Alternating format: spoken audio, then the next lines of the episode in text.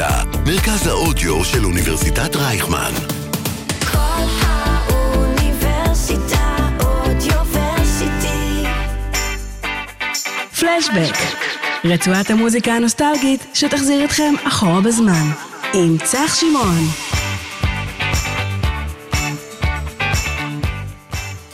שלום לכל המאזינים, איזה כיף שאתם איתנו בעוד תוכנית של פלשבק, רצועת המוזיקה הנוסטלגית, בכל האוניברסיטה, מרכז האודיו של אוניברסיטת רייכמן.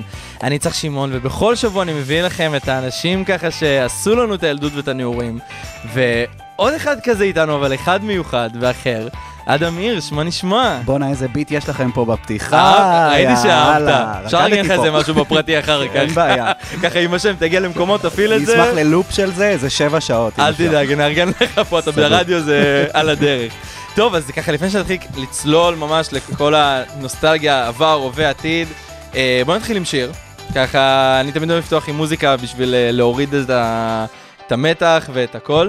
אה, הדורבנים, לבדוק לך את המנוע, אתה בחרת את Yes, השיר. בהחלט. אה, ככה משפט על זה, ואז אחר כך נדבר על זה. משפט על זה, כן. אה, אה, רוק עצמאות, 2014, אם אני לא טועה, ראיתי אותם פעם ראשונה. אוקיי. אה, אולי זה הרבה לפני כנראה, כן. יכול להיות. אה, יכול להיות 2004, כן. אוקיי, אה, כן, יותר הגיוני עכשיו. הרבה יותר הגיוני. וראיתי אותם פעם ראשונה מחממים את היהודים. אוקיי. ב- בראשון שם, בפארק, ועפתי בשמיים, ומאז לא הפסקתי לשמוע אותם, אני כל כך מתרגש שהם אה, מתאחדים עכשיו. איזה כיף.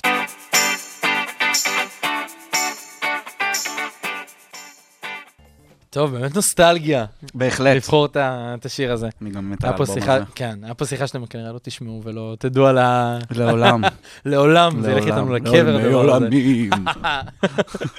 תגיד רגע, כשאמרתי לך לבוא לתוכנית של פלשבק וזיכרונות, אני זוכר ששאלת אותי כזה, על מה נדבר? כן. ואני אמרתי לעצמי, אם אני אומר לו ראש גדול או דברים כאלה, הוא בטח ירצה לקבור אותי. אני אגיד לך את האמת, אה, אה, לאורך השנים, אה, כאילו, הר- הרבה רוצים לדבר על ראש גדול, הרבה מזכירים את זה, ולכן אני, אני- ואני תמיד אוהב לדבר על זה, אין לי בעיה. כן. רק אם בא לך לדבר על זה שעה, אז תמיד אני אוהב גם לרדת רגע לעומקים, להבין את, ה, את התהליכים שעברנו אז בתור ילדים, להתחבר לחוויה שלנו של אז, כדי להבין מה אנחנו גם חווים היום. זה מה שעניין אותי לבוא. איזה כיף. טוב, ואם אני שואל אותך כזה, שכל פעם שאומרים לך גדלנו עליך, כי אתה יודע, פער גם בינינו הוא לא כזה גדול, נכון. ואני אני סוג של גדלתי עליך. כאילו, אני בתור ילד ראיתי אותך, ואתה לא יודע בני כמה השחקנים באמת. ואתה גדל עליהם, ופתאום אתה מגלה שהם שנתיים שהם מעליך, גדולים, כן. חמש שנים אז זהו, מעליך. אז לאחרונה, זאת התגובה שאני הכי מקבל, כלומר, בין, כשמבינים בין כמה אני, אז, כן. אז אנשים קולטים כמה הם זקנים. זהו, אתה מבין? אני כזה אומר, גדלתי עליך. אז מצד אחד אוקיי, זה גם רגע. גורם לך להרגיש כאילו אה, אה, אה, חדשות של אתמול, ומצד שני זה גם, אני חייב להגיד, זה תמיד, לא משנה כמה פעמים, וגם לדעתי לנצח, כל פעם שיגידו לי את זה, זה תמיד מאוד מאוד מחמיא לי. אה, זה תמיד אה, מו- מוזר לי באיזושהי צורה, כי אני גדלתי עליי, כאילו, אני, אני גדלתי איתי, ואז כאילו זה, זה שאנשים גדלו עם הדמות שלי בטלוויזיה, זה דבר שאני פוגש אותו בכל מיני צמתים בחיים שלי לאורך הזמן, ולקח לי כזה, לקח לי קצת זמן, כמה שנים אני חושב בהתחלה להתרגל לזה, מהמם. והחל מהרגע שהתרגלתי לזה, התחלתי ממש כאילו להפליג על איזה גל כזה שמקבל את העובדה שיש אנשים שראו את זה, שיש אנשים שלא ראו את זה.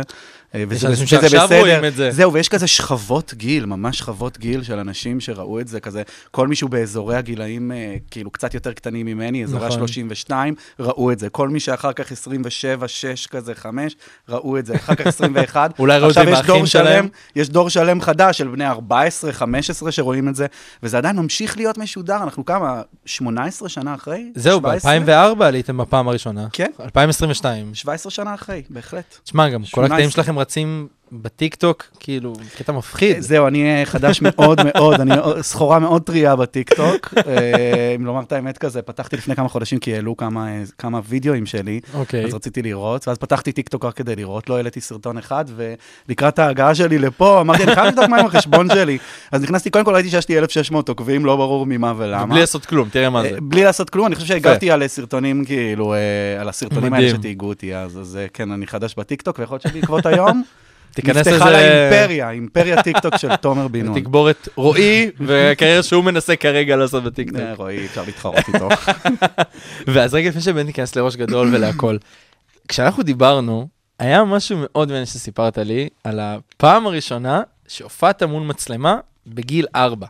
גיל ארבע, ואתה יודע, כולם חושבים כזה, הפעם הראשונה יש כאלה שאומרים ראש גדול, אלה שקצת יותר מכירים, ארבעה בעקבות החג, נכון. אבל נראה לי שהיחידים באמת שיודעים זה גיל ארבע עם דני רופ. נכון. מה קרה שם? אה, ככה, אה, אבא שלי עבד ברשות השידור. מה שהיום אה, הוא התאגיד, לפני שזה התפרק ונהיה כן. תאגיד, אז זה היה רשות השידור. אבא שלי עבד שם, והוא היה עושה בקרת תמונה. אתה מכיר את זה שבערוץ 11 לפעמים הייתה נשרפת התמונה? נכון. אז... אה, זה היה חלק מהחוויה אז- לצ- אז של הצפייה בערוץ. בדיוק, חוויה חוויה בסיסית של צפייה בערוץ הראשון. אז אבא שלי היה מציל את זה תמיד עם מיליון כפתורים. אוקיי. אה, ואני הייתי ילד בן ארבע, אני נולדתי ב-88, אז אה, השנה הייתה 1992. ואני לא יודע אם אתה זוכר, או שאתה לא זוכר, כי אתה לא בגיל, אבל מי ש... אני חושב ב-92 שאני לא על הגבול- נולדתי. זהו, אני אוקיי. ב-96. כן, אוקיי, הנה עוד הוכחה לזה שאני זקן. אה, אני לא כזה רחוק ממך. אז אמ, אוקיי, אז למי שזוכר אי שם אה, ברחבי העולם, התחזית זה לא כמו היום, שזה כזה, עוברים לתחזית בקטנה. זה היה פינה, זה היה תוכנית בפני עצמה בתוך החדשות, וזה היה נקרא שבשבת, והמנחה שלה היה דני רופ, שהוא הח- החזאי המיתולוגי. מפתיע גם. כן, לגמרי. ודני רופ הבטיח באותה שנה שירד שלג. אוקיי. ואני, זה היה השלג הראשון שלי, וכל כך התלהבתי וכל כך חיכיתי. ואני גרתי, אה, אני, ההורים שלי ממבשרת ציון, אני גדלתי במבשרת ציון, שזה סמוך לירושלים. חיכינו לשלג הזה, חיכיתי לו כמו אני לא יודע מה. אני זוכר על החלון, בלילה הקר, עם עדים שנקבים על החלון, ואני מחכה ומסתכל לשמיים, ושלג לא בא. ונשבר לי הלב. בדוק. ואני לא הסכמתי, אני לא הסכמתי לדבר עם אבא שלי, ילד בן ארבע, לא הסכמתי איזה יומיים לדבר עם אבא שלי. עכשיו, בתקופה ההיא אבא שלי היה לוקח אותי לעבודה לפעמים. לפעמים זה שהיה נשרף המסך, זה היה באשמתי, כי הייתי לוחץ על דברים. היית כאילו, עושה לו בכוונה שלו, כן. לשלג. אז uh, הגענו יום אחד לעבודה שלו, והוא אמר, הנה דני, לך תגיד לו. ורצתי לדני רופ, והוא הרים אותי, um, ואמרתי לו, דני, למה אתה משקר uh, ואומר שירד שלג ולא יורד? אנשים בבית מחכים ונשבר להם הלב. אוקיי. והוא הסתכל עליי והוא הגיב בכזאת חמלה, אני לא זוכר בדיוק מה. וזהו, אחרי זה הוא הוריד אותי ורצתי חזרה לאבא שלי, והסתבר לי לימים שכל הדבר הזה שודר בשידור חי. כל התגובה כל, שלך? כל, מה שאמרתי לו, התגובה שלו, הכל היה רגע אנושי מטורף שהיה בתחזית, שבו ילד שנשבר לו הלב רץ לדני רופ ואומר לו שנשבר לו הלב. עכשיו, בכוונה אמרתי שהשנה היא 92, כי, כי זאת הייתה הפעם הראשונה שהופעתי בטלוויזיה אי פעם. זה התפקיד הטלוויזיוני הראשון. תפקיד האופי הראשון ששיחקתי. עם עומק. אמ, ואני בכוונה אמרתי שזה שנת 92, כי ב-92 ירד אחד, ה, אחד מסופות השלגים הרציניות ביותר בהיסטוריה של המדינה. נכון. אז שבועיים אחרי אותו שידור, באמת אה, אה, ירד מלא שלג, והביאו אותי שוב. ושם, בערך בפעמיים האלה, אפילו עוד פעם הביאו אותי, אני לא זוכר בגלל מה לך עם דני הביא אותך. כן, בדיוק. כל פעם זה נמשך, זה נראה כמו פינה קטנה כזאת שנמשכת איתי, כאילו. זה הסרט אמ, רשת של שנות ה-90. וממש יצא על זה כתבות בעיתון, רפי רשף. ראיין אותי ברדיו יום אחרי, אני זוכר שהוא ראיין אותי, ו- ואני לא ידעתי, אני, לא היה לי מושג מה זה אומר, שעכשיו אני מדבר כאילו, ושומעים אותי בכל העולם, לא אכפת לי, אני פשוט, הוא, הוא שאל אותי כזה בסוף השידור, הוא אמר לי, אה, תגיד, יש שיר שאתה רוצה לשמוע, וגם שוב 92 באירוויזיון. כאן ביתי פה, נכון, אני נולדתי. נכון, אז אני נכון. רציתי, אז אני רציתי לשמוע את כאן ביתי פה, ככה אוקיי. קראתי לזה, ולידי ביתי ישבה פה. חברה הכי טובה שלי, מאיה, אוקיי. ושאלתי אותה, איזה, איזה שיר זה? והיא אמרה לי, כאן והייתי פה, אז אמרתי לו, כאן והייתי פה, ואז הוא אמר לי, "אה, מי זאת שמה לידך? אז אה, אמרתי לו, זאת מאיה. אז הוא אמר, "אה, מי זאת? אמרתי, זאת חברה שלי. אז הוא אמר, זאת חברה חברה או חברה? אמרתי לו, רפי, ככה, רפי, פאוזה. אל תתעסק איתי. קיו נכנס, כאן ביתי פה, אני נולדתי.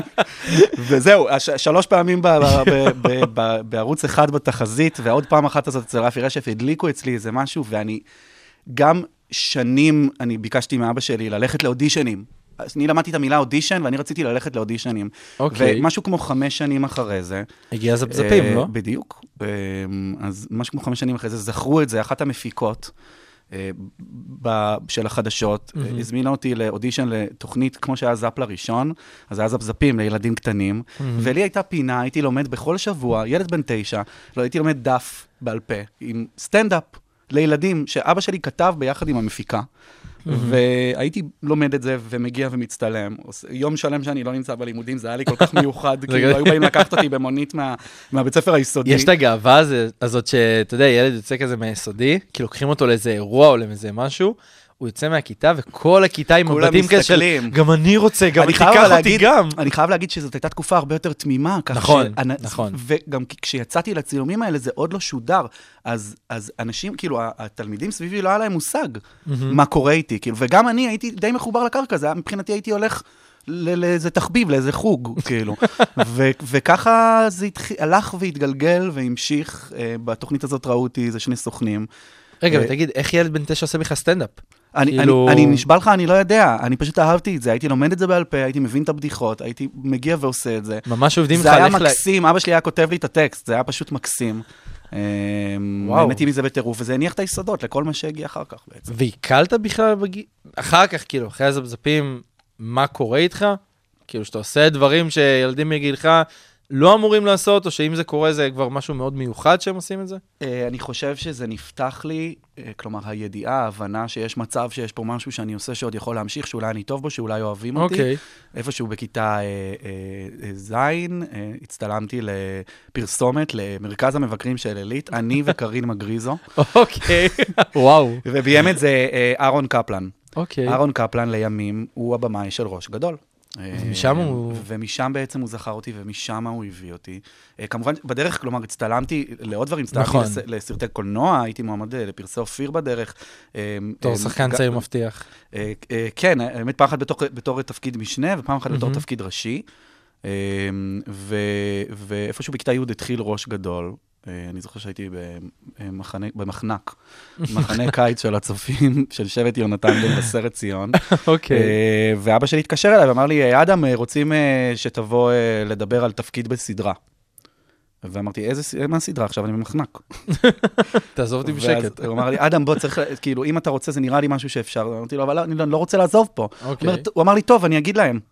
ובעיקרון ככה זה נגמר. הייתי אמור, כאילו, והוא אמר להם, והם אמרו, אה, טוב, אז אה, אולי, אה, אולי הוא לא ישחק את התפקיד. אוקיי. ואז אה, יום לפני שנגמר המחנה קיץ, הסוכנת שלי התקשרה לאבא שלי, ואמרה לו, "ת- ת- תגיד לו שיבוא, ואבא שלי בא לאסוף אותי, וזה היה היום האחרון, אז הסכמתי ללכת. כן. והגעתי ודיברתי עם הבמאי, והחלטנו שאני אעשה את התפקיד הזה. אני, כאילו, אני- ישר לתפקיד של תומר?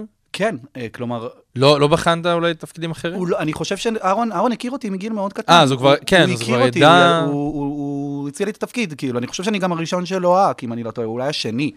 האמת אה, שהגיוני, כי הדמות שלך הייתה גיבורה של מן הסתם, הסדרה אני חושב שאני ומיכאלה. לא אהקנו נכון. ראשונים לדבר הזה. נכון. אמ, וואו. אז, אה, אז כן, אה, אתה יודע, גם לאורך הדרך, אה, כאילו, אהרון זה בן אדם שהיה אחראי על הרבה מהדברים שעשיתי. עד היום משודר הסרטון הזה, ב- הסרטון פרסום במרכז המבקרים של? עילית, כן. אותו סרטון, אותו סרטון שלי מגיל תשע, יש לי פה סרטונים של זה, אני אראה לך את זה. אני אשמח לראות. רוצה להגיד שלא שינו את זה? עבר הרבה זמן, לא שאני חושב שהסרטון לא טוב, אבל אה, זה אני סרטון, חושב שאולי האיכות לא טובה. לא, זה מאוד מאוד תמים ומקסים, ומספר על רכבת. של ממתקים, שנוסעת בנהר של שוקולד, אה, ואני צריך להציל שם את היהלום מהמפעל או משהו כזה. אוקיי. וזה בתלת מימד, וואו. וזהו, זה עד היום משודר, לפי מה שאני מבין. ואתה יודע, אני כשאומרים לי את השם שלך לפני ראש גדול, קופץ לי בכלל ארבעה בעקבות החג. שזה היה פרויקט אחר, כי אתה יודע, זה לא סדרה שאתה רגיל לראות כל יום את הפרק, אתה צריך לחכות לחג, שיגיע לחג הפרק זה גם- המיועד שלה. זה תוכנית שהפכו אותה זמן. לחג בפני עצמה. זהו. זהו, זה חלק, חלק ממסורת החג, זה נכון. לשבת ולראות ארבעה בעקבות החג. שמע, זה גם משהו שהוא היה מטורף עבורי. אה, אנחנו בסך הכל הצטלמנו לתוכנית. אפילו לא הצטלמנו כל כך הרבה. היה כן. ימי צילום חוץ, בכל חג שאתה כאילו זה שנוסע ל- למסע נכון. לפתור את החידון. אה, אז היה כזה צילומי חוץ, אוקיי. והיה צילומי אולפן, ורוני נדלר, וכאילו, אתה יודע, היה לנו גם כזאת דינמיקה כיפית אה, אה, של נכון. חברים. היינו באים לעשות כיף. לא דמיינתי שזה 22 שנה אחרי עדיין. ישודר. זה מטורף. אני יכול להגיד לך שאני מאוד כועס עליכם על הסדרה, כי אני בתור ילד שהייתי רואה את זה לפני ארוחת חג, אני הייתי מאוד תמים ומאמין לכל הדברים האלה. וכשהייתי... אה, יש פרק אחד שאולי לא מגיע החג, היית בסיוטים. בפרק הזה אני לא אשכח, ההורים שלי לוחצים עליי, בוא, צריך לצאת לארוחת חג, אנחנו צריכים לנסוע ליוקנעם, ואני אומר להם, לא. לא יש סיכוי שהחג. לא מגיע, אז למה שאני-. למה שניסע בכלל? החג לא הגיע, ואבא שלי עושה לי, מה, על מה אתה מדבר? אמרתי לו, בוא תראה, בוא בוא תראה, החג עוד שנייה לא מגיע. כאילו, זה... זה היה טירוף, כן. עד היום אנשים צועקים לי, יש, מצאתי, ברחוב. וואי, תשמע, אני חייב להגיד לך שגם יחסית לתקופה, כל האפקטים של הדבר הזה היה מאוד אה, מתקדם זה היה וייחודי, מצד אפשר אחד להגיד. מתקדם, מצד שני היום זה כל כך לואו-טק ומקסים, כאילו, זה פשוט, אה, איזה מאמץ טוב לעשות איזה איזשהו חמודים, אפקט. כן, כזה. מסביבי כזה. וואי, ממש. טוב, ויש לך גם צעד קטן, שאנחנו לא יכולים לשכוח מהתפקיד אה, שם, כן. אתה יודע, של שחר סגל, שזה... כן. איך היה לעבוד עם ה... אה, זה גם היה עוד אה, אה, אה, משהו שהגיע אליי כמו, כמו מתנה, פשוט אה, שחר כתב, כלומר, מההתחלה. מההתחלה. גיא מאירסון כתב סיפור מטורף על ארבעה ילדים שהם אוקיי. כמו משפחה אחד של השני, ושחר סגל חיפש את הארבעה ילדים האלה, ובאחד האודישנים שנבחנתי בכלל לתפקיד אחר, אז, אז פשוט עשיתי שטויות וצחוקים, וזה התאים לו לתפ... לתפקיד ששיחקתי, לדובה. אה, שבכלל Mm-hmm. נכתב לילד אה, שהוא אמור להיות מלא, ועם אה, טרגדיה במשפחה והכול. עשיתי את המשחק מילים דובה. זה ממש מתוחכם. בדיחות אבא רגילות כן. לחלוטין. אז אה, אה, זה היה, אה, זאת הייתה חוויה מטורפת. אה, סיפור שהוא גם, תפקיד שהוא גם דרמטי בתוכו. אני עד היום חושב שזה אולי הדבר הכי טוב שעשיתי. אי פעם. אה, כן, כי אני, אני פשוט זוכר את עצמי בתקופה ההיא. לא משחק, נקרא לזה. כלומר, אוקיי. הייתי כל כך אני, כל ההוויה של הדמות הזאת בתוך הסרט היא אני, יש שם מיליון דברים שאני עושה גם פיזית בזמן השוטים, שהם לא כתובים והם לא שום דבר, אני גם ראיתי את זה לא מזמן, כלומר, אני, רוא, אוקיי. אני רואה את השפת גוף שלי עושה כל מיני דברים שלא כתובים בשום צורה, והרגשתי כל כך חופשי ושמח בתוך, ה, בתוך התהליך שם, ואני עד היום מרגיש שזאת הת- התוצאה המשחקית הכי טובה שהבאתי. אני זוכר שגם כשדיברנו, אמרת לי, זה כיף לי שזוכרים אותי מראש גדול, אבל כשאומרים לי צעד קטן, זה מחמם לי את הלב, וזה מאוד תפס אותי, כי אני יודע שמי שראה את צעד. קטן, הוא ראה את הדינמיקה הזאת, את, ה, את הוא ראה אותך הסיפור כשחקן, גם עושה משהו קצת יותר רציני ועמוק. גם, נכון, להגיד. כן.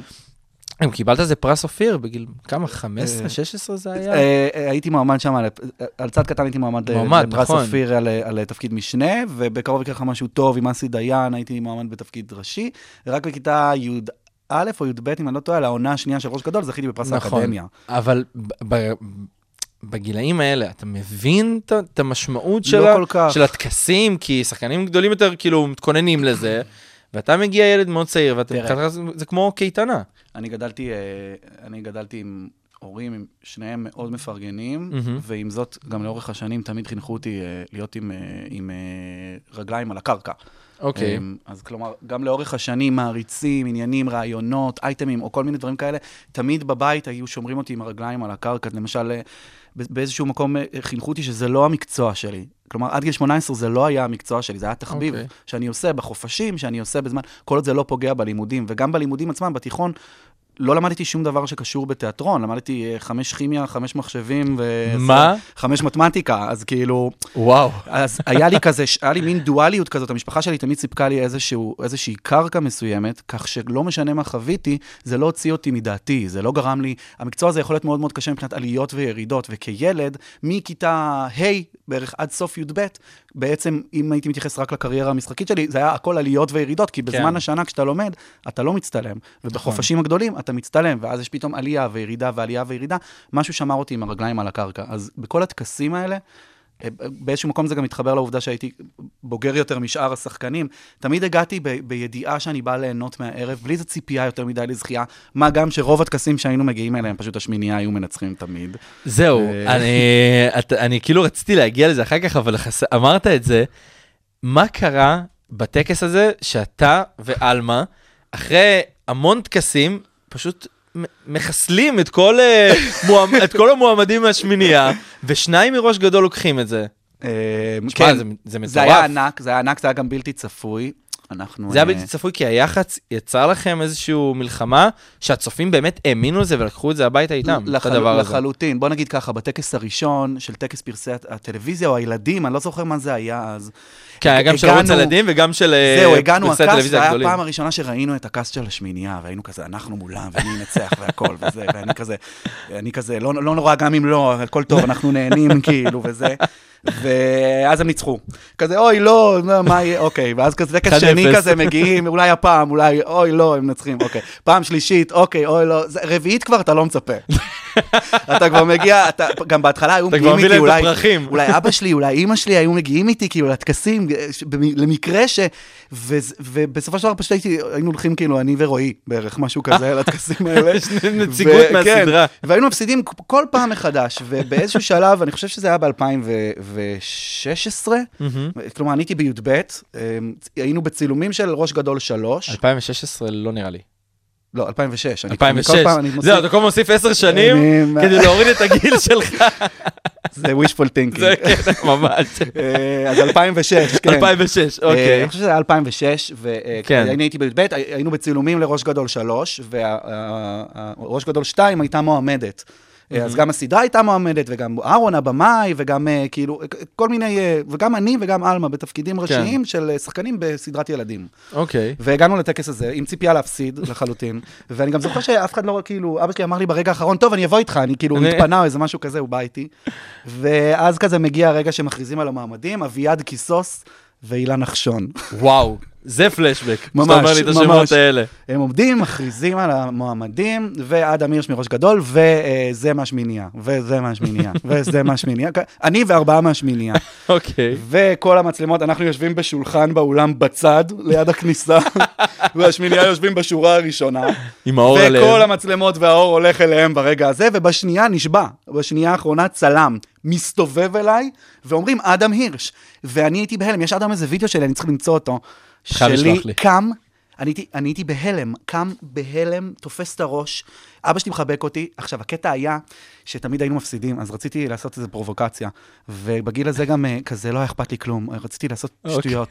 אז מתחת לבגדים היפים של הטקס, שמתי חולצה של השמינייה.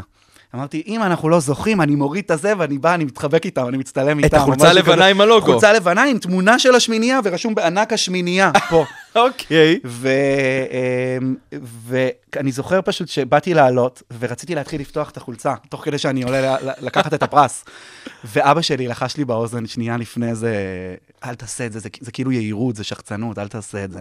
אז לא עשיתי את זה בסוף, האמת שאני. שמח, אני שמח שלא עשיתי את זה, למרות שזאת הייתה יכולה להיות אחלה פרובוקציה ואחלה סיפור לנכדים. זה עדיין אה, אחלה סיפור לנכדים, לא משנה איך זהו, אתה אבל מספר אף את אחד לא זה. ידע שאני כאילו מסתובב עם החולצה של השמינייה מתחת, ולי זה יצא טוב באותו אירוע, ועד היום יש לי פסלון, אז בכלל טוב. זה. תשמע, אתה בחור של דרמה, אין ספק, גם עם זה, גם עם דני רופ. זה- זה אחלה רעיונות גם לסדרה. חי על תחשוב הדרמה. על זה, זה ממש חי על זה. אבל אתה יודע, אם אני מסתכל על זה, באמת הדמות שלך הייתה גיבורה של הסדרה. ואחרי שלוש עונות אתה אתה עוזב, והסדרה ממשיכה. אפילו נראה לי שכזה הדמות של מייקל, סוג של החליפה אותך מבחינת הגיבור. מייקל, יש שיאמרו אבל- תומר אה, אופנר, יש שיאמרו נכון. בן בן רביד, אה, כן. כל מיני כאלה. אבל איך כאילו, אתה יודע, אתה מסתכל מהצד פתאום עכשיו כבר בתור צופה, שהחברים שלך ממשיכים, הסדרה ממשיכה, ואתה לא חלק מזה. אה, אני אגיד את זה ככה, הכי פשוט. הסיבה שלא המשכתי לעונה רביעית, הייתה בחירה שלי. נכון, זה אה, הצבא, התגייסת. בדיוק. כן. אני, אה, אני, גם, שוב, חונכתי בבית שבו היה ברור שאני אתגייס לצבא ואעשה את התפקיד הכי קרבי והכי... אתה מפקד בתותחנים. כן, נכון. אה, לתת את התרומה הכי גדולה שאני יכול, בעיקר מתוך העובדה, שה- הידיעה שאנחנו צריכים לתרום למקום, למקום שאנחנו חיים בו. נכון. אז לעשות שירות משמעותי זה היה דבר שהוא מאוד חשוב עבורי, ועל אף שקיבלתי בזמנו גם הצעות לכל מיני תפקידים, וגם אה, הצעות? לתיאטרון צה"ל ו- וכאלה. אה, וואו. אה, אה, ולי היה ברור שאני הולך תותחנים, כי שני אחים שלי היו שם, ורציתי לעשות שירות כן. מלא. אבל איך זה היה באמת לראות את זה מהצד? כאילו, כבר בתור צופה, שאתה לא חלק אני מהכעס פרגנתי לזה שמצטלם. בטירוף, אני גם, אני, אני, אני אגיד בכנות שאני הרגשתי בתקופה ההיא שאני מוכן להתגייס, ואני מוכן לשחרר ולעזוב את הדבר הזה מאחוריי. הרגשתי מהמם. שסיימתי איזשהו פרק אה, לא... משמעותי מאוד. אני גם חושב שבאיזשהו מקום, גם אני וגם עלמה היינו במקום הזה, ושנינו עזבנו גם באותו... נכון, עזבתם באותה תקופה. נכון. אה, אה, וכלומר, עזבתי, אה, בתקופה ההיא עזבתי לעשות משהו שהיה, מילא, מילא אותי, והיה לי בעל משמעות מאוד מאוד גדולה. בסופו של דבר גם נהייתי מפקד, אז השפעתי על אנשים בדרך שלי, והדרכתי גם, נכון. אז... אז, אז, אז, אז פרגנתי לכ- לכל מי שנמצא שם בזמן שהוא נמצא שם. והיית רואה את הפרקים אחר אה, כך? לא, לא, השתתפת? לא הייתי רואה את הפרקים, עד היום יש כל מיני דמויות שאני יודע שיש, אבל אני לא יודע מי זאת. כאילו... אה, תומר אופנר, אתה לא יודע. לא, תומר, אני מכיר אותו כי הוא שחקן, כן, אה, כי הוא- אוקיי. שחקן, אה, אני מכיר אותו מהצגות, אז... אה, אה, מירב פלדמן ששיחקה שם, אתה יודע. מירב פלדמן אני מכיר, נכון, אבל אין לי מושג נגיד איך קוראים לדמות שלה. דבש. דבש, אוקיי, נכון. אז מי זאת קשת? אחותה. שזאת מיטל מיכאלי. נכון, שעליה אני שרוף, אה, כן, וגם נכון, הייתי כן. אה, הופעתי ביחד איתה. נכון. אה, אמ, אמ, זהו, בטח. לא לא ראיתי את עונות 4-5, גם לא את 6, אני חושב אוקיי. שאבל ב-4 יש איזה שיחת זום איתי, או משהו יש כזה, איזה יש שם סקייפ איזה איתי. משהו, כן, כן, כן. זה אהבו כזה אותי. לשלב... ואני מופיע גם בארבע, אין בעיה. תפקיד אורח. והיית רואה, כאילו היום נגיד שאתה מסתכל על הפרקים שעשית, בתור כבר מישהו שלמד משחק ועשה המון דברים, גם תיאטרון, גם קולנוע, מה אתה חושב? כאילו אתה, איך אתה מסתכל על זה? על הדברים שעשית כשהיית ילד? לפני שלמדת וקיבלת כלים אחרים, יותר בדיוק. בוגרים, בוא נגיד את זה. כי זה רמת משחק שונה לחלוטין. בדיוק. אני חושב שכל הקריירת משחק שלי, היא, היא מתחלקת אה, בין אה, לפני שהלכתי ללמוד. אה, משחק אה, ואחרי שהלכתי ללמוד משחק. כל מה שהיה כשהייתי ילד, היה איזשהו גל כזה של אה, אה, אה, שילוב של שני דברים. אחד, הייתי ילד עם הרבה מאוד ביטחון עצמי. אוקיי. אה, ו- ושתיים, אני חושב שהייתי אמ, הייתי ילד בוגר, אמ, וזה נתן אופציה לבמאי להביא ילד שהוא בוגר באיכויות שלו, אבל נראה כמו ילד קטן. אז בהרבה מה- הרבה מהתפקידים שלי שיחקתי הרבה מתחת לגיל שלי. נכון, נראה לי גם אה, בשכונה זה היה. גם בשכונה, נכון. ברור. אה, גם אה, בתאגד. גם שיחקת בתאגד, חייל. נכון. בהרבה מהפעמים אני, אני נראה צעיר יותר ממה שזה. זהו. האמת, לימים הצטלמתי לשכונה, שזו נכון. סדרה שגיורא חמיצר נכון. כתב. אז היה שם, נרשם שם רגע מגניב מאוד, שבו אני מגיע ל, ל, כאילו להרמת כוסית של תחילת הצילומים. ואני פשוט פוגש המון אנשי צוות של ראש גדול, וכולם פתאום רואים אותי. ו- ופתאום כזה נפגשנו אחרי המון שנים שלו, ופתאום יצא לי לשמוע שנים אחרי את אנשי הצוות מדברים אוקיי. על החוויה של ראש גדול, ופתאום הבנתי, אה, אם לא, אם לא הבנתי עד אז, לאורך השנים, פתאום מהמם. הבנתי שהסדרה הזאת הניחה איזה שהן יסודות לרוב סדרות הנוער שמצטלמות היום. נכון. אה, אז זה דבר, למשל, ש, שאני מרגיש לאורך השנים שגם אי אפשר לקחת כאילו מה, מהחוויה הזאת, ואני תמיד כזה מוקיר תודה, ואני מסתכל על כל הדברים ש, ש, שהצטלמתי אליהם באיזה מין... אה, אה, ערגה כזה, באיזה מין, אה, אני, אני מאוד מודה על הדרך שעברתי ועל החוויות שצברתי לאורך איזה הדרך. כיף. האוניברסיטה אודיוורסיטי. כל האוניברסיטה, מרכז האודיו של אוניברסיטת רייכמן. פלשבק, רצועת המוזיקה הנוסטלגית שתחזיר אתכם אחורה בזמן. מה זה שינה שם הקיור. הג'ינגל, כן, אתה יודע שכל פעם שאני שם את הג'ינגל הזה, המנהל שלי פה אומר לי, למה אתה מת על הג'ינגל הזה? אתה תמיד שם אותו. לא יודע, זה מגניב, זה תיכוני מגניב. קצת, כן, כן. אתה יודע, פתאום להפתיע, זה מעורר את. הבן אדם באמצע. ברור. טוב, אז קודם כל, אה, תודה רבה למי שנשאר איתנו עד עכשיו, ושלום. למי שהצטרף, אתם על פלשבק. אה, אני צריך שמעון ואיתנו אדם הירש, ובדיוק שאלתי אותך איזה משהו, והתחלת להגיד, אה, כך בזמן השיר שהיה, אמרתי, רגע, תעצור, תשמור את התשובה תשאל הזאת. שוב ואני אעשה כאילו אני שומע את זה פעם אנחנו נעשה ראשונה. את זה כאילו זה לא אוקיי. היה, נעשה את המשחק. תן לי את זה. לא מעצבן אותך שלפעמים זוכרים לך את ראש גדול, ולפעמים רק את זה? כי עשית המון דברים ואתה עדיין עושה, ואנשים לפעמים רק על זה נתפסים. וואו, זו שאלה מעניינת, צח. מאוד. כאילו לא שאלתי אותך את זה לפני חמש דקות. אמ, תראה, זה, זה, זה, אני מבין את הצורך בתשובה של האם זה מעצבן או לא, או האם זה משפיע או לא, האם זה טוב או לא. אבל זה הרבה יותר מורכב מזה, כאילו, לאורך השנים אני, אני הבנתי שיש בזה גם הרבה דברים טובים וגם אה, אה, אה, גם דברים שלפעמים אה, קשה להתמודד איתם, וגם הם, הם בעיקר שלי. כלומר, אוקיי. okay. רוב התגובות של רוב האנשים ברחוב זה פרגונים. רוב הפעמים שמזהים אותי מראש גדול, גם אנשים מהמקצוע, זה כן בא לטובתי בסוף. כן? בעיניי כן. כלומר, אני לא רואה בעבר שלי, או בטייפקאסט שלי כ- ככוכב נוער, אני לא רואה בזה שום בעיה. כלומר, אתה, אתה מצליח לראות אנשים שגם חוצים את, ה, את הז'אנר זהו, לא. ל- למבוגרים, ואני נכון. אני, אני גם מאמין שאני גם יכול לעשות את זה. אז אמ, כלומר, זה, זה, אני גם מכבד את זה ו, ושמח על זה, אה, וגם אה, כל הזמן מסתכל קדימה. אבל לא הרגשת שזה לפעמים חוסם לך תפקידים מסוימים, כי אתה במשבצת של כוכב נוער, גם בסדרת אם כן, נוער. גם אם כן, אני לא באמת יודע את זה, וגם אם כן, אז זה רק בפיל שלי, וזה המסע שלי והשיעור שאני לומד זה מהדבר הזה, גם- שאני מעריך אותו מאוד, ו- ולמדתי עם השנים גם להשלים איתו. זה גם לפעמים כל המחשבות שאנחנו מריצים לעצמנו בראש, במיוחד שחקנים ש... מחשבות מקבילות כאלה, כן, שמג- שבגלל זה, אז אז זה, ובגלל- זהו. ולכל אחד יש את שלו, אז זה בסדר, אז לי כן. יש את זה. כאילו, את תומר, מראש גדול, שיושב לך במקרה פה, יצא. כן. כמו מלאך כזה כאן, ואומר לך כן. דברים. ואתה האמנת ש... אבל ראש גדול ככה תצליח ברמה כזאת שגם הפיקו לה שבע שנים אחרי שנגמרה עונת ספינוף, שאגב, מעניין אותי לדעת למה לא לקחת בה חלק. אוקיי, תכף נדבר על זה. כן. אה, אמ, אמ, אתה יכול לחזור על תחילת השאלה שוב? החלק השני יותר כי החלק תפס. השני תפס אותי. קודם כן. כל, האמנתם שראש גדול תצליח ככה ברמה שהנה, עד עכשיו, 17 שנה אחרי זה, ידברו על זה עדיין? יש לי ממש זיכרון שלנו, של החבורה של, של, של העונה הראשונה. אה, אני, גור, אה, גור מורד. אה, נכון, אה, מיכאלה אלקין. רועי, מיכאלה, יושבים שם בכניסה לאולפני הרצליה, בערך ביום צילום חמש של העונה הראשונה, אוקיי, ובאים לראיין אותנו מראש אחד. אוקיי. ואני אני הייתי באקסטה, אמרתי, מה? זו תוכנית שכאילו כותבים עליה בראש אחד? והיא שאלה אותנו שם, אה, אה, איך אתם מרגישים עם זה שאתם הולכים להיות אה, הכוכבים של סדרת נוער חדשה? ואני אמרתי, לא יודע, הלוואי ויזהו אותנו ברחוב. ממש אמרתי את זה.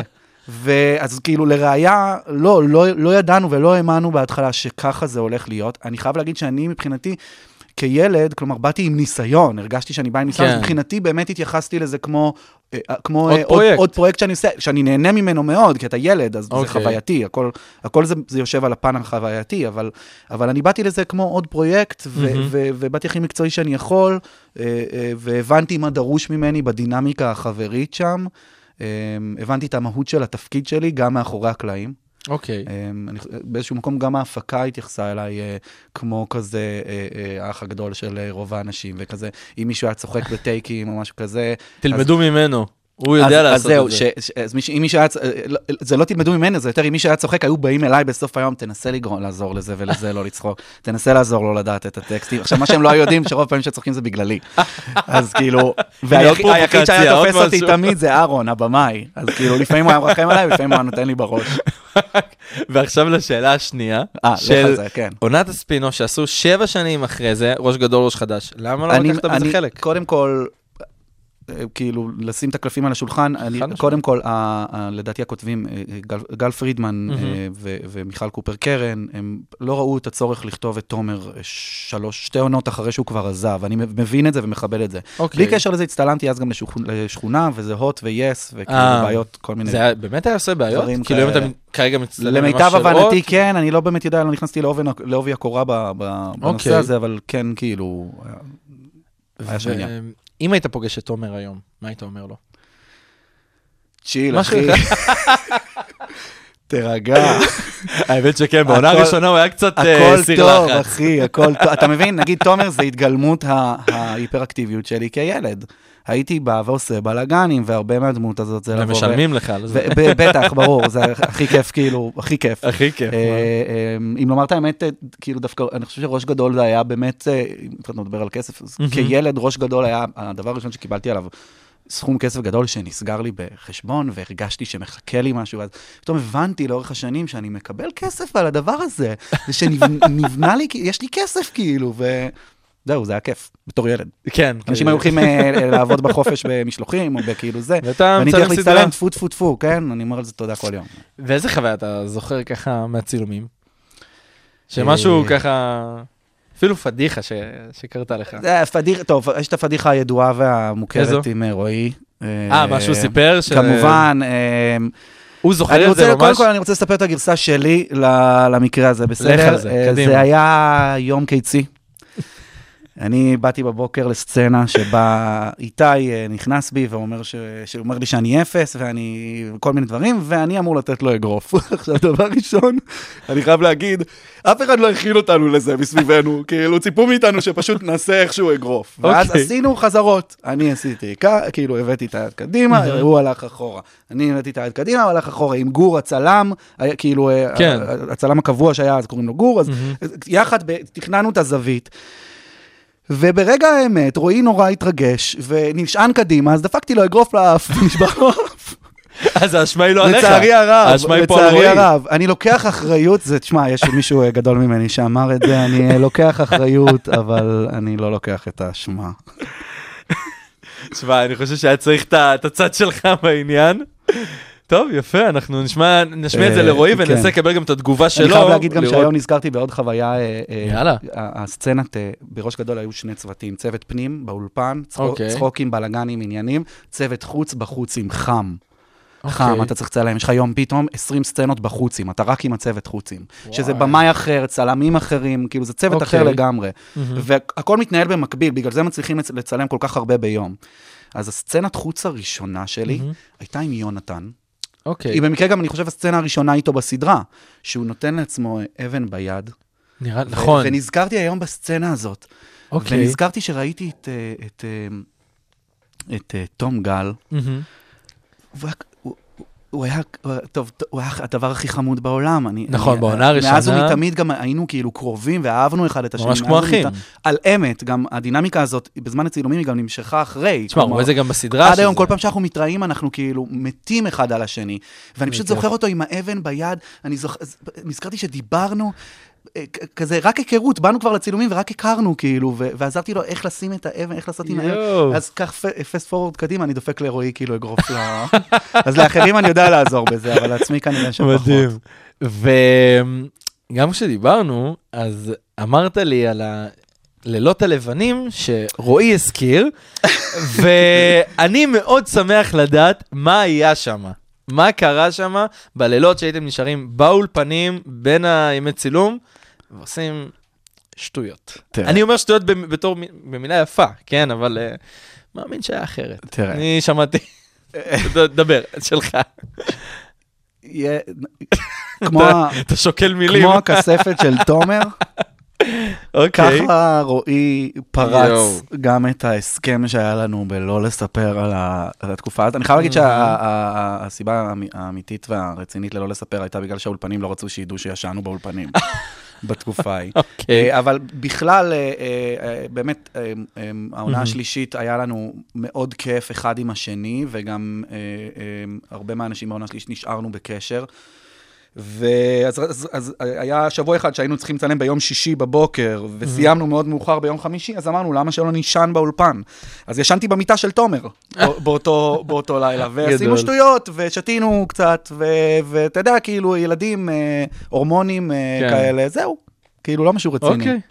טוב, ותשמע, אני חושב, אני זוכר שכשאני שמעתי שהלכת ללמוד משחק, אני מאוד הערכתי את כל אלה שיצאו גם מראש גדול וגם מהשמינייה שהלכו ללמוד את זה, כי הם לא נשענו רק על, ה, על ההצלחה שהייתה. בוודאי. אבל זה רגע לעצור שנייה שלוש שנים ולהתרכז רק בזה, כי לימודי משחק זה 24-7 הדבר הזה. לחלוטין. לי היה ברור גם, אה, כאילו, שוב, כחלק מהעובדה ש, ש, שלא התייחסתי למשחק כמקצוע, אלא מהמם. כתחביב בהתחלה, ההחלטה ללכת ללמוד הייתה החלטה לבחור בזה כמקצוע. אוקיי. אה, ו- ואם לומר את האמת, לרועי ויינברג יש אה, קרדיט על זה שהלכתי ללמוד אה, משחק, כי אני ממש זוכר שדיברנו לפני, אני הייתי אמור להתחיל ללמוד פסיכולוגיה, וואו. ו... ו... והוא לגמרי. אמר לי, בוא רק תבדוק את החצר ביורם לוינשטיין. והגעתי אוקיי. שם לשוק התקווה, ופתאום שמעתי קול של מקהלה, ואמרתי, כאן אני רוצה להיות. ואם לומר את האמת, כלומר, כשאני הלכתי ללמוד משחק, אה, אנשים הולכים ללמוד משחק מסיבות שונות ולומדים דברים שונים כן. בזמן לימודי המשחק. אז אה, אם לומר את האמת, אני, אני הלכתי ללמוד משחק ולמדתי בבית ספר למשחק את כל מה שקשור לכישורים של להתמודד עם אנשים לידך במקצוע הזה. כי זה מקצוע לא פשוט כי לגמרי. כנער, כי כנער גדלתי, ושוב, חוץ מהעבודה שלי בחופשים, לא התעסקתי עם תיאטרון בכלל, אוקיי. או, עם, או, עם, או עם בכלל לשחק ב, בלימודים שלי, לא בתיכון, נכון. לא למדתי איזה חוג דרמה או משהו כזה. האנשים מסביבי לא היו שחקנים או אנשים, או מוזיקאים אה, ש, שעובדים, אה, או כל מיני דברים כאלה, הם היו אנשים אה, כזה די רגילים, לא למדתי בתלמה ילין או משהו כזה, אז, אה, אז, אז, ז- זהו. נתקעה לי התשובה באמצע. זה זה נשמע שיש איזה משהו ולא משנה. לא, אבל אתה כי- יודע מה, בוא, כי יש לי משהו אחר על זה.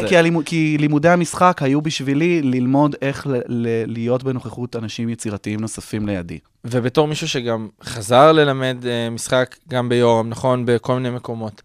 תשמע, היום מתייחסים ללימודי משחק כמשהו שלא צריכים אותו. למה? כי יש לך את הטלפון, אתה יכול כל היום ליצור תכנים, או ללכת לתוכנית ריאליטי ולהיות בה, ואנשים מאוד מזלזלים בזה, אבל זה כן שלוש שנים שנותנים לך המון כישורים, אבל... המון כישורים והמון את וקילומטראז' וקילומטראז' על נכון. הבמה, ואתה יודע, יש היום את דור הטיק-טוק והאינסטנט, תרבות האינסטנט. כן. אני חושב שדווקא במקום הזה אה, יש ערך למישהו אוקיי. שעוצר והולך לנסות ללמוד את היסודות של המקצוע שהוא בוחר בו. אחרת, מה שהוא בוחר בו הוא דבר זמני. אה, ו- כן. וזה, וזה באמת משהו שהאנשים בדור הזה מתמודדים איתו, עם הצלחה מאוד גדולה, מאוד מהירה, ונפילה מאוד מהירה ו- ומאוד כואבת. אה, וכשאתה הולך ללמוד את הדבר הזה, אז יש לך על מה להסתמך, כי יש לך ידע. זה גם חלק מהדברים שאני מלמד, כשאני מלמד... אה, אה, את הדברים משחק, האלה? משחק, אז אני תמיד שמח, כלומר, להביא את הצד הזה, כן. בדיוק לדור הזה של תרבות האינסטנט, לבני הנוער, שכל מה שהם חושבים עליו זה טיק טוק, ו- ו- והרצון שלהם הוא להיות מפורסם. נכון. אז כשאני מל- מלמד משחק, אז אני מלמד אותם לעצור שנייה, ולהתנתק מהעולם הדיגיטלי, ולהפוך להיות אנלוגיים, וליצור בתוך הראש שלהם דברים. אני יכול להגיד לך שגם בתור מישהו שלומד עכשיו, אה, יש לי בלימודים קורס של אה, בימוי.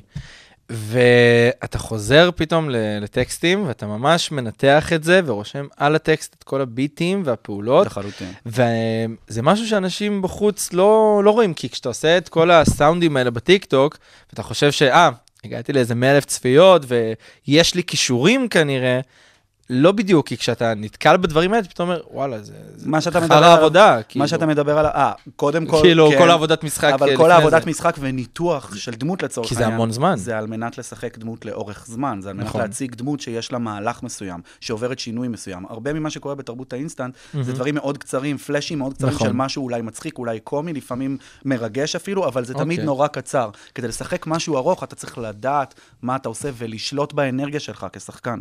לא הרבה אנשים יודעים לעשות את זה. יפה. טוב, אני רוצה שנייה רגע שנעצור, כי הכנתי משהו. וואו, פאק. כן, וואו. שנייה, זה בא, אתה תראה. תן לזה זמן. אפשר גם אתה רק מגיע להגיד אליה. חידון הנוסטלגיה. יפה. אז שמעת? אני רגע רוצה לבחון אותך על דברים שעשית, לראות מה, מה אתה זוכר ומה לא. אני כבר, תשמע, אני כבר בגיל שמותר לי להגיד אני- שאני לא זוכר, אז אוקיי, נו. לא, לא, לא עברת את ה-35 הזה עוד לא.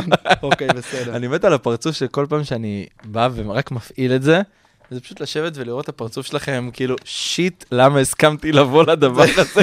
זה נפל עליי, עכשיו, הנה הקאץ'. פה חשדתי. אז אני אשאל אותך קצת כמה שאלות, בוא נראה מה, אתה זוכר. באיזה שנה עלתה ראש גדול? אם אתה זוכר תאריך בכלל. ואתה שמעת גם את התוכנית של רועי, אז אתה לא אז- יכול... אז- אה, אז אני אגיד לך ככה, ה-21 בנובמבר אה, אה, 2004, בום. 2004, יפה, כן. כל הכבוד. נכון? מי שיחק את אבא שלך בסדרה ארבעה בעקבות החג? אה, את אבא שלי, גיא לואל. יפה. ברור. בגלל מי לא טסת עם גילי בסוף העונה השנייה למחנה קיץ בחו"ל בראש גדול? יש שם דמות ויש שם מהלך, אם כבר דיברנו על דמויות ומהלכים. אני, אה, נתחיל מ- אין לי מושג, ואני אנחש בגלל יונתן. לא, לא? מור עצרה אותך. אה, יצרה אותי ואז מלנסוע. הבנת שאתה... ברגע האחרון, הבנתי שאני אוהב אותה, אותה, ולא את נכון. גילי, וחזרת לזרועותיה של נכון, מור. נכון, נכון. ושאלה אחרונה, הסרט בקרוב יקרה לך משהו טוב, שהשתתפת בו. על איזה ספר הוא מבוסס? אה, ביום שרצחו את ראש הממשלה של. עוזי וייל, כן. יפה, תשמע, כל הכבוד. אה, הנה, אפילו. הקהל פה מריע. תשואות. בוקר טוב, שלום לכם, מה נשמע? איפה הייתם כל התוכנית? יפה, אבל אמרת את זה בהצלחה. לא יאמן, כן. העיקר הפרצוף של שיט, למה נכון, ולמה נכון, נכנסתי. תשמע, אמ, עשית המון דברים, אבל אחד הפרויקטים הכי מרגשים שלך זה הסדרת גיבורי על. נכון, אה, גיבורים מהדורה שלווה. מוגבלת. יחד עם שלווה. כן, מה, איך הכל התחיל? כי זה גם עם השותף שלך מ- מיורם לוינשטיין, עם אה, אליאור. נכון. אה, אליאור, שותף שלי, אליאור אמסלם. אה, אז ככה, אה, התחילה קורונה, מהמם. והבנתי מהר מאוד אה, אה, שחייב לעשות משהו עם, עם עצמנו, כאילו חייב ליצור משהו. ולי ולאליאור היה את הרעיון הזה עוד מלפני, אוקיי. ולקחנו את הזמן הזה של הקורונה בשביל לעצור שנייה ולפתח אותו כמו שצריך ולחפש משקיעים. וצירפנו אלינו את הבמאי, ליאור בלגזל, ו- והתחלנו להסתובב ולשאול עמותות מסוימות, האם זה יעניין אותם לייצר תוכן כזה. רצינו לייצר פה סדרה, קודם כל סדרת גיבורי על הראשונה בישראל. נכון, עם, לא- עם, עם אתולוגיה ועולם של גיבורי על. לא היה דבר אה, לא היה דבר כזה. בישראל עדיין, שזה קצת לא יאומן, כן? כן, זה מפתיע. אה, בכל העולם זה הז'אנר המצליח ביותר, ורק בארץ אין סדרה כחול לבן כזאת. נכון. אה, ומצד שני רצינו גם אה, לייצר פה סדרה.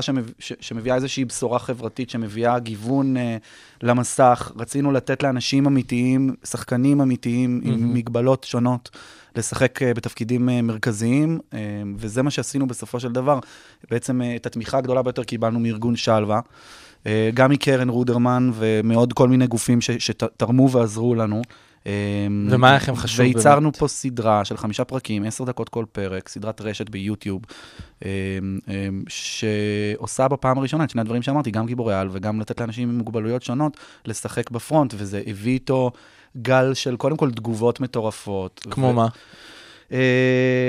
מה התגובה הכי, לא יודע, מטורפת שקיבלת על זה? אה, אה, התגובה הכי מטורפת שקיבלתי הייתה של אחד השחקנים, אחד השחקנים, אה, שגיא, שהוא אדם עם תסמונת דאון, והוא הוא שיחק בתפקיד הזה, וחלומו הוא להיות שחקן, והוא שחקן שמשחק בהצגות תיאטרון, הוא עשה 300 הצגות עם ההצגה שלו. אה, וואו. הוא הוא שחקן שחקן, והוא הגיע לסדרה הזאת,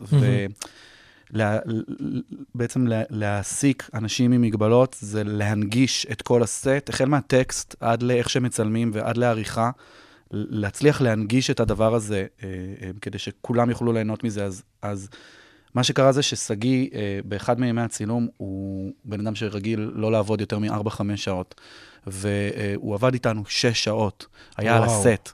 הצטלם, והצטלם מדהים, ונתן בראש, באמת. והוא חזר הביתה והוא צילם סרטון של עצמו, פשוט בוכה ואומר לנו תודה. ובשנייה שאני ואליאור ראינו את זה, הבנו שכל מה שעשינו כבר היה שווה את זה. רק בשביל... והסדרה הזאת ממשיכה להכות גלים, ואני כל הזמן פוגש אנשים שרואים אותה ו- ומתמלאים בהשראה ממנה. חשוב גם, גם לציין שאנחנו רצינו להביא את עולם האנשים עם מגבלות אה, דרך הומור, אפילו דרך הומור שחור. כי תמיד, תמיד כשמביאים את הנושא הזה, תמיד או משהו נורא מעורר השראה, או או, משהו ללב. נורא מעורר רחמים באיזושהי כן. צורה. ורצינו להגיד לא, כלומר, כולנו באיזשהו מקום כן אותו הדבר, ולהביא את הסיפור שלהם דרכם. אז גם הרבה מהסיפור של הדמויות הוא בהשראת החיים של השחקנים עצמם, שזה דבר שאני מאוד שמח שהצלחנו לעשות. סדרה מונגשת, אגב, גם לעיוורים, אה, עם, אה, עם אה, קריינות קולית של אמיר אשר, אה, גם ביוטיוב, למי שרוצה לראות. אה, זהו.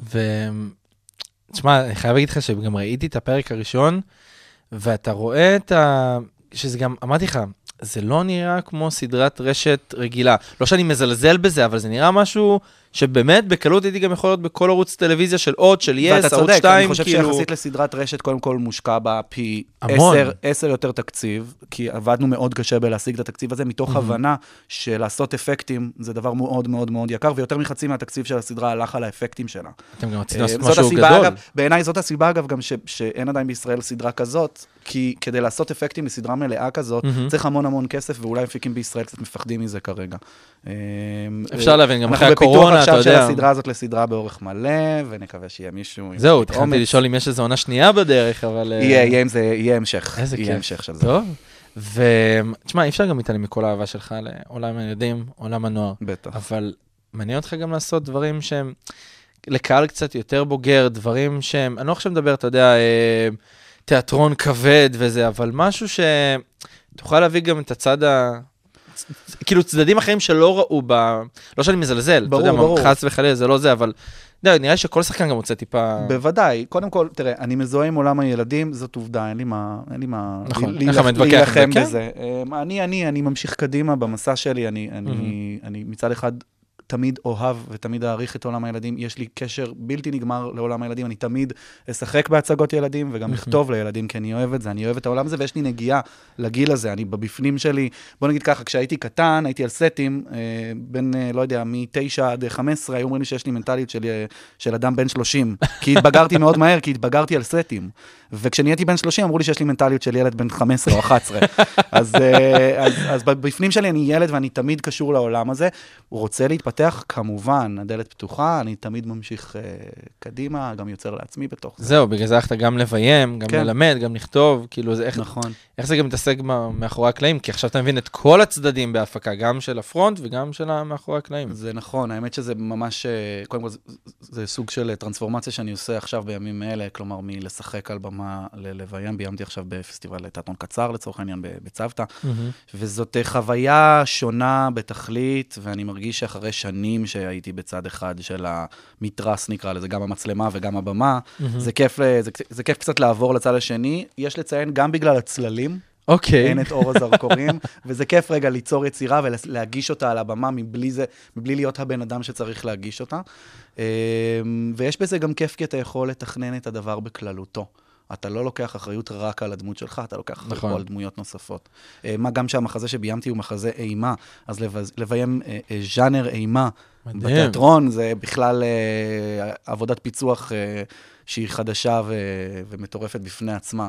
כי נגיד ב- בסדרה עכשיו, כשאתה רואה אימה, אז יש לך שילוב של קול עם הבן אדם שעומד עם הסכין, בדיוק בשוט הנכון, כן. אבל איך עושים את זה על הבמה, כשזה הכל בלייב וקורה כאן ועכשיו. אז אה, הצלחנו, אני חושב, לעשות אה, מין... אה, ותגיד, כל הדבר הזה, כל הדברים שעשית, אה, אני חושב שהפריעו לך כזה למצוא אפילו אהבה? כי אתה יודע שכזה אנשים כזה, אה, זה, זה תומר ראש גדול, אה, זה ההוא ממשהו קטן, כאילו, אתה מבין? כי... תראה, זה מצחיק, מה שאתה שואל, כי, אה, כי לאורך השנים, צד אחד, כשהייתי רווק, תכף. נדבר על זה שאני לא רווק, כן? אה, כשהייתי רווק... פה לבנות אז- את החלום. אז, אה, אז, אז כן, באיזשהו מקום, הרבה היו, הרבה בנות היו פשוט מזהות. ונותנות לזה להוביל את הדבר, אבל יש. לציין שהרבה פעמים מה שיותר הגניב אותי זה מישהי שאולי מזהה, אבל לא, לא עושה מזה את העניין, כן. או יותר זה לא כזה big מזה, דיל. שלא לומר רחמנא ליצלן, לא מזהה, זה היה בכלל משהו אה, אה, ש, ש, שהיה לי כיף. אוקיי. והאמת שלאורך השנים יצא מצב, מין מצב כזה מאוד אה, מצחיק, שמצאתי את, את אהבת חיי לפני שנתיים וחצי, אליאנה מגון, שהיא הילדה. עם תום ששיחק- אבני. ששיחקה, נכון? לא עם תום אבני? לא, היא ילדה ששיחקה לא. את אחות של נינט בשיר שלנו. נכון, אבל היא גם עשתה משהו עם תום אבני, אני זוכר. כן, יכול להיות. לא, היא יודע. הייתה ילדה מפסטיגל... אה, נכון. מפסטיגל 2004 עם טובת צפיר. לא. לא, זאתי. 2004 יכול להיות? כן, כן, זאת הילדה שישבה ואמרה לו, סבא, אני חולה, לא זאת יכולה מי ללכת ששרה לפסטיגל. ל- לאבא שלי יש סולם. נכון, היא עשתה מלא אה, דברים. אה, היא עשתה מלא דברים. עם איך קוראים לה? עם שושנה דמארי. נכון, היא עשתה מלא דברים. כן, טוב, אחותה של נינט, זה... כן. אפשר להגיד שאתה איתה בגלל שהיא אחותה של נינט. ואז כן, כזה, בוא- בוא נגיד את אני חושב האמת. איפשהו בדייט הראשון או השני, אז אה, פתאום אה, כאילו, היא אמרה, כן, אני מכירה אותך ראש גדול. והיא אמרה, גם אני הייתי ילדה שחקנית. אמרתי לה, מה? לא כן, אני? הייתי בשיר שלנו. אמרתי לה, מה? לא האמנתי. ופתאום הרגשתי שיש גם תקשורת, כאילו, במובן הזה היא מבינה אותי. כאילו, היא מבינה משהו בחוויה שלי את החיים. אז נראה לי זה מה שתפס. יש מצב, יש מצב גדול, יש מצב. גדול. ותגיד, יש לך קווים אדומים מבחינת תפקידים? דברים שאתה אומר, גם עם כמה שאני רוצה לשחק ולעשות, את זה בחיים אני לא אעשה. תראה, אה, כמו שאמרתי לך, אם, אנחנו נוגעים כאילו רגע ב, כן. ב, בדברים רגע שהם גם אמיתיים וכואבים, מהמם. אז אה, אם, אם סיפרתי לך שכילד התבגרתי מאוד מהר, נכון. אז גם כילד חוויתי כל מיני דברים אה, שגרמו לי להבין מאוד טוב מה הקווים האדומים שלי. לצורך העניין יש אוקיי. אה, אה, סצנה אה, עם, אה, עם אקט אה, מיני, בקרוב יקרה לך משהו טוב. נכון. אוקיי? ואני הייתי שם ילד בן 15. אה, ואני מצאתי שנים אחרי שלמשל החוויה הזאת אה, אה, השפיעה עליי במובנים מסוימים. אז הבנתי מאוד מאוד טוב גם את הרגישות שנדרשת. אמ, אמ, גם זה חלק מלמה אני מלמד היום, כי אני מרגיש שיש בי את הרגישות הנדרשת בשביל ללמד גם ילדים וגם בוגרים איך לשחק ולגעת בנושאים כואבים באופן רגיש. אמ, אמ, אז, אז, אז מבחינת קווים אדומים, אתה יודע, אם התפקיד אה, מצדיק את זה, ואני מחובר לתפקיד, אבל מה זה אומר לא יודע- מצדיק את זה? לא יודע, אתה מדבר איתי על מה? על- עירום פרונטלי? לא, על, שלך, לא, הקווים האדומים שלך, אבל מבחינת מה? מבחינת מה שאני משחק? כן, לא יודע. לא יודע. כאילו, מה- על מה אתה יכול להגיד שזה לגיטימי ומה זה לא? אה, אה, אה, אני, אני לא חושב שאני אשחק במשהו שמציג איזה חוסר אמת גדולה שאני לא מסכים אוקיי. איתה, למשל את חיילי צה"ל בתור רוצחים משפחה פלסטינית, מה שיש עכשיו בנטפליקס, כן. או כל מיני תפקידים שהם קיצוניים. באופן הזה שיגייסו אותי לטובת איזה say שאני לא, שאני לא מסכים איתו ולא תומך בו. ויש משהו במהלך כל הפרויקטים שלך שהיית אומר כזה, וואלה, הייתי רוצה לחזור לעשות אותו שוב, ואולי גם הרבה יותר טוב. כאילו, כי היום, אחרי שעברת קצת באמת קילומטראז' בתחום, אתה, יש לך יותר כלים, יותר ניסיון לעשות את זה. אה, ואל תגיד לי רגע ראש גדול, בוא ננסה רגע, ניקח משהו לא, אחר. בלי- ראש גדול, בוא נוציא את. ראש, גדול מהמשוואה. אה, אני חושב... ארבעה בעקבות החג. לא, לא. גרסת האימה אולי. אני חושב שהייתי חוזר... אה, אה, אני מתלבט, יש שני דברים שהייתי רוצה לחזור אליהם. קודם כל, יש הצגה אחת ביורם לוינשטיין בשנה ג', שלא עלתה מעולם, למה? אה, היו כל מיני סיבות, הבמאית לא יכלה שם להמשיך, ובסוף הורידו אותה, וזה לא קרה. איזה אה, באסה. אז אה, אה, זו הצגה שהייתה אמורה להיות שנקראת אה, פדרה מאוהבת, אוקיי. אה, והייתי אמור לשחק שם תפקיד ממש אה, מגניב, וזה לא קרה בסוף, אז אם הייתי יכול הייתי חוזר לזה. טוב, אפשר אה, להבין. ואם אנחנו מדברים על לפני, יש סרט ששיחקתי בו שביים ערן ריקליס, שנקרא פיתוי, ואני לא שיחקתי שם טוב בעיניי, אז הייתי חוזר לשם גם. אוקיי, מגניב. ובאמת, היום שאתה כן רואה את כל הדברים האלה שעשית, מה עובר לך בראש? אה, להגיד את האמת, זה תמיד גורם לי לחשוב על העתיד, מה הדבר כן? הבא. כאילו, אתה רואה דברים שעשית, ואתה אומר, אוקיי, על זה אני יכול לסמן וי, כן. שאני צריך לחפש את הדבר הבא ש- שיניע אותי לעשות את זה. אה, כן, מה, מה האתגר הבא, מה הדבר האומנותי הבא שבא לי לקחת באמת? בו חלק, לאן אני מתפתח, אני כל הזמן אה, מנסה להמשיך הלאה, ליצור, לייצר בעצמי גם. Mhm. אה, אני, אני גם, אה, כמו שאמרתי, אנחנו מפתחים עכשיו את, אה, את גיבורים מהדורה מוגבלת לסדרה באורך מלא, ואני מפתח גם עוד רעיון לעוד סדרה עם, עם, אה, עם חברה טובה שלי. על, רוצה על- לספר עליה קצת? האמת שכן. יאללה, שוט. אני עשיתי לפני הקורונה מחזמר שנקרא ג'נטלי, מחזמר מטורף. שאנן סטריט שאנן סטריט כתב את המילים לשירים, ואמיר אוקיי. לקנר כתב את העיבודים. אוקיי. אסתר ראדה בתפקיד הראשי. אה, מחזמר מדהים שהיה בתיאטרון חיפה, והופענו 12 פעמים, ואז פרצה הקורונה, והמחזמר הזה ירד ופס מן העולם. אבל המתנה הגדולה שלי הייתה שהכרתי שם את אה, דניאל אונימי, מהמם. שהיא אה, בעצם אישה ישראלית מעורבת, בת לאימא ישראלית לבנה, ואבא מגאנה, כהה עור. מהמם. ובעצם אנחנו כותבים עכשיו סדרה, מפתחים עכשיו סדרה על, ש- בהשראת סיפור החיים שלה ושל אח שלה, מתן, אה, על החיים בישראל בתור אה, אנשים מעורבים. אתה גם תשחק בזה? אה, יכול להיות, לך תדע, מגניב. כן. כמו יאללה, שאמרתי, מעניין מעניין. אותי גם שני הצדדים. ובאמת שאמרת עכשיו על הדברים שמאתגרים אותך, חוץ מנגיד הסדרה הזאת, יש עוד משהו, הצעד הבא שלך בתחום? משהו אפילו שאתה רוצה לעשות. להמשיך, קודם כל, ברור, אה, אה, הייתי רוצה להיכנס ולעשות אה, כמה שיותר מחזות זמר. הייתי רוצה מגניב. תפקיד דרמטי, אחד טוב כזה בסדרה, אה, אה, או דרמטי או אקשן. אוקיי. אה, סטייל כבודו כזה? משהו כזה גם, אוקיי. כן. אה, ולביים, לביים עוד ויותר גדול ועוד מזה, ועם עוד שחקנים, ללמוד מעוד אנשים את העבודה. מדהים.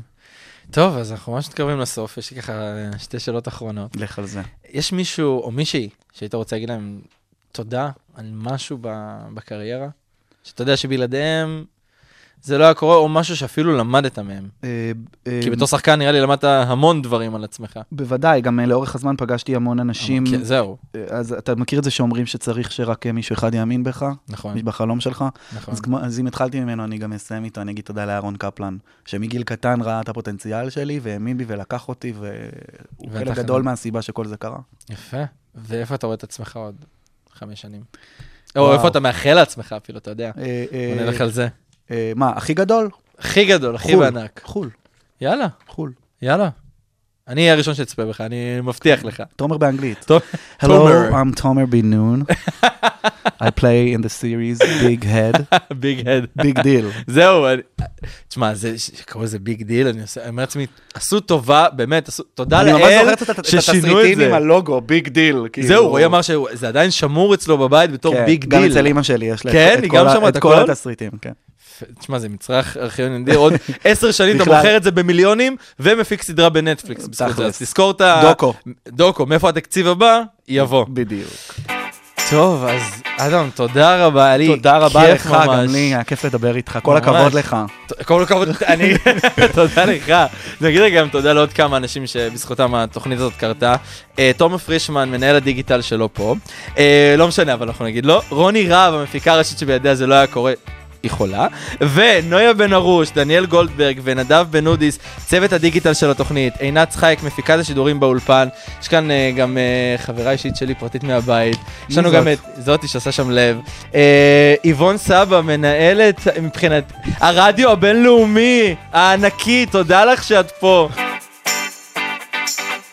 אז הפרק שלנו זמין גם ביוטיוב, גם באתר, גם בספוטיפיי, נהיה כאן בשבוע הבא, יום רביעי, הייתי צריך שמעון. תהנו. מושלם. פלשבק, רצועת המוזיקה הנוסטלגית שתחזיר אתכם אחורה בזמן.